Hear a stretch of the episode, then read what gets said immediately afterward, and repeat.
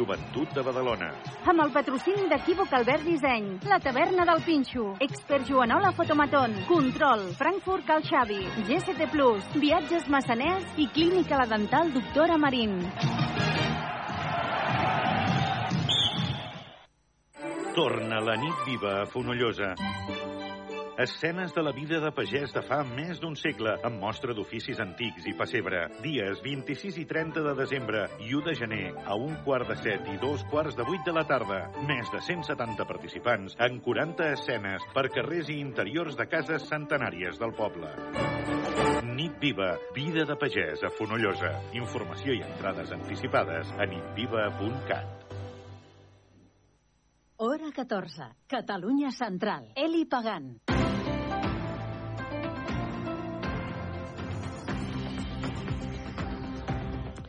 Hola, què tal? Molt bon migdia, hora 14. La Fiscalia de Menors de Barcelona té obertes aquest 2023 dues investigacions contra nois menors que haurien difós imatges sexuals de nenes i noies menors canviant-los la cara amb intel·ligència artificial. En concret, agafaven imatges dels cossos nus i els manipulaven per posar-hi la cara de nenes i adolescents tretes a través de les xarxes socials o fotografiades directament per a ells. Un dels casos és el de Súria, on la Policia Nacional va detenir a l'octubre un menor d'edat com a presumpte autor dels delictes de producció, possessió i distribució de pornografia infantil. Els agents van registrar el seu domicili i hi van trobar molt material informàtic. Després d'analitzar els dispositius que hi havia a la seva habitació, van constatar l'emmagatzematge d'arxius amb pornografia infantil molts d'extrema duresa. Els distribuïa massivament a, diversos, a diverses plataformes online i aplicacions de missatgeria instantània. També van localitzar fotografies que el menor havia fet des de la finestra de la seva habitació a infants que jugaven davant de casa seva amb pantaló curt o biquini i després les manipulava amb intel·ligència artificial per eliminar-ne la roba. La investigació va començar després de detectar més de 300 arxius pedòfils anunciats a les xarxes socials. Manifestació protesta davant del Carrefour a favor del boicot de l'estat d'Israel. És una crònica del nostre company, l'Eduard Font. Prop d'una cinquantena de persones es van manifestar aquest dissabte davant la porta principal del Carrefour dels Trullols. L'acte de protesta el va organitzar el grup de suport a la Catalunya Central de la campanya internacional BDS, boicot, desinversions i sancions contra l'estat d'Israel. Avui estem concentrats aquí davant de Carrefour, igual que s'està fent a més d'una desena de localitats catalanes, per denunciar la complicitat de Carrefour amb l'exèrcit israelià que aquests dies està cometent eh, massacres i un genocidi a la Franja de Gaza i a tot Palestina. Carrefour col·labora amb l'exèrcit israelià, d'una banda, proporcionar-los aliments de forma gratuïta, tal com ho han anunciat a les seves xarxes socials israelianes, i a part d'això, Carrefour manté convenis amb supermercats que alimenten les colònies il·legals a la Franja, a Cisjordània, a la Palestina ocupada. Els manifestants protestaven contra l'empresa multinacional francesa. BDS alega que Carrefour és culpable de facilitar el genocidi a Palestina, donant suport als soldats israelians amb regals per a ús personal. També mostraven descontent amb l'acord arribat al 2002 entre el supermercat francès i l'empresa israeliana Electra Consumer Products, juntament amb la seva filial Yenon Bitan, que consideren que estan involucrades amb els fets ocorreguts a Palestina.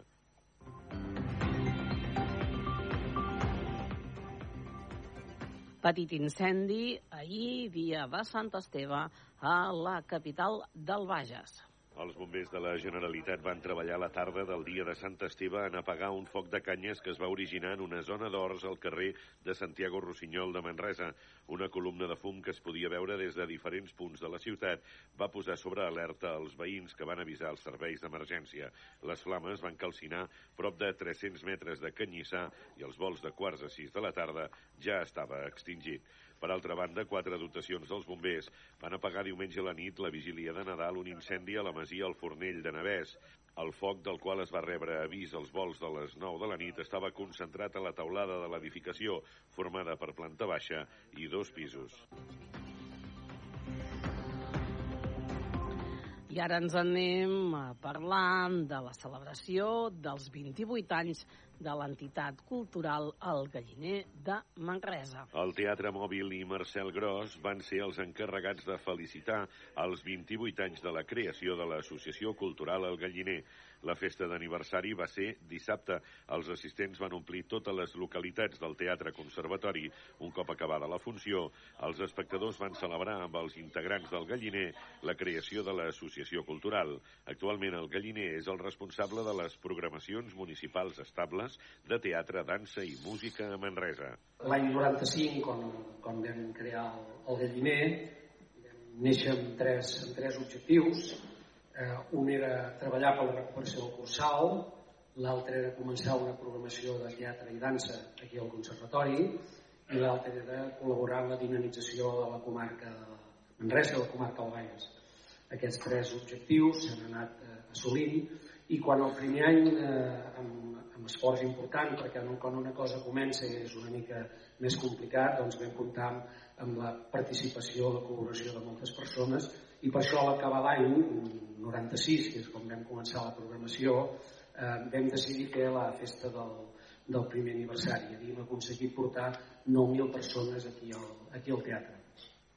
28 anys després, eh, la, la programació eh, ha arribat a una xifra espectacular. Aquest any haurem tingut més de 90.000 espectadors i també per això doncs, ens agrada poder-ho celebrar com fem cada any per la festa d'aniversari.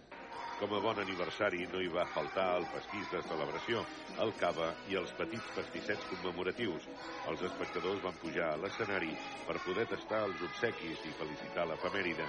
En l'acte també hi van haver temps per anticipar alguna novetat per als anys vinents i també anem pensant en altres projectes, no? En aquest sentit, de cara a l'any que ve us podem anunciar que estem treballant per fer coses amb altres entitats, com ens agrada, perquè serà l'any Guimarà i també serà l'any que ve i per tant són dos dels projectes que tenim en marxa, però també ja estem pensant que el 2007 el Teatre Cursal farà 100 anys i també segur que l'hem de fer grossa i el 28 aquest teatre conservatori farà 150 anys i per tant doncs, anirem pensant, pensant coses. Eh... Abans, però, es va gaudir d'una obra molt especial, ple absolut per veure l'espectacle humorístic 5-5. Petits i grans van riure i gaudir amb els enginys i peripècies de Marcel Gros i el Teatre Mòbil. Perkins, Willy i Gaspar, els germans Nicolau, reben la trucada de Mr. Rick, l'empresari de l'òpera de Sant Petersburg, que els encarrega el muntatge de l'òpera potser més difícil de tota la història de la lírica, Noblesa Vikinga. Després d'un viatge turbulent arriben a Sant Petersburg on sempre hi estan avant, i allà comencen els assajos fins que arriba el dia de l'estrena. També una obra mítica del Teatre Manresà per un aniversari mític com és el del Galliner.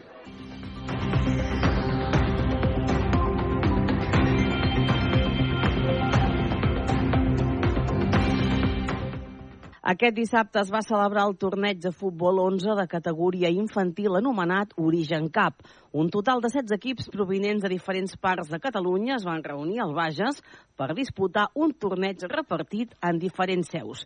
Hi van participar equips d'Osona, Cerdanya, Berguedà, Anoia, Vallès Oriental, Vallès Occidental i el mateix Bages. El torneig Origen Cup eh, el diferenciem pel fet de fer categories baixes, eh, primera, segona divisió, aquest en concret és només segona divisió, pels nens de categoria més baixa, de pobles i això, que no han accedit mai a un torneig d'alta qualitat d'organització, que puguin tenir doncs, els petits detalls del seu, el vestidor, tenir el seu nom, el seu detallet, la seva fruita col·locada, la seva samarreta, i això penso que és molt difícil arribar als pobles. Moltes organitzacions el primer que pensen és arribar a clubs grans per fer un bon torneig, però no cal. Pots anar als pobles del voltant, donar-los ressò en aquests clubs que tant costa créixer i fer-los un torneig ben fet. La competició està pensada per involucrar els equips formatius que no tenen grans infraestructures per albergar un torneig d'aquestes característiques. Per això es va jugar en quatre camps diferents de futbol 11, el de Sallent, Balsareny, Artés i Sant Padó. Acabem. Molt bona tarda. Adéu-siau.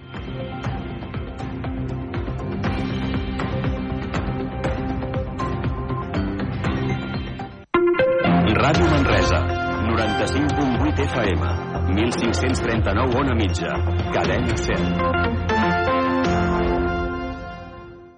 Ràdio Manresa. Catalunya Central. Hora 14. El láser. Con Laura Gutiérrez.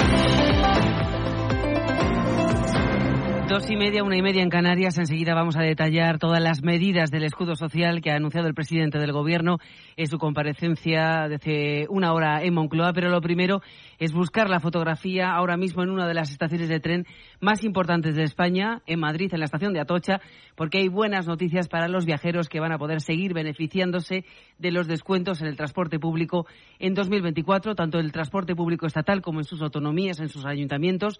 El Gobierno va a seguir bonificando todo el año que viene el 30% de los abonos, siempre y cuando las otras administraciones, las regionales y las municipales, asuman al menos un 20% más. En Atocha, Soña Ballesteros, ¿qué tal? Buenas tardes. Hola Laura, buenas tardes. Imagino que hay mucha satisfacción ¿no? entre la gente que te has encontrado hoy en esa estación por estas medidas. Pues sí, nosotros les dábamos la noticia y por aquí todos contentos, aunque con matices. La más entusiasta, esta viajera habitual de cercanías que se ahorra casi 50 euros todos los meses.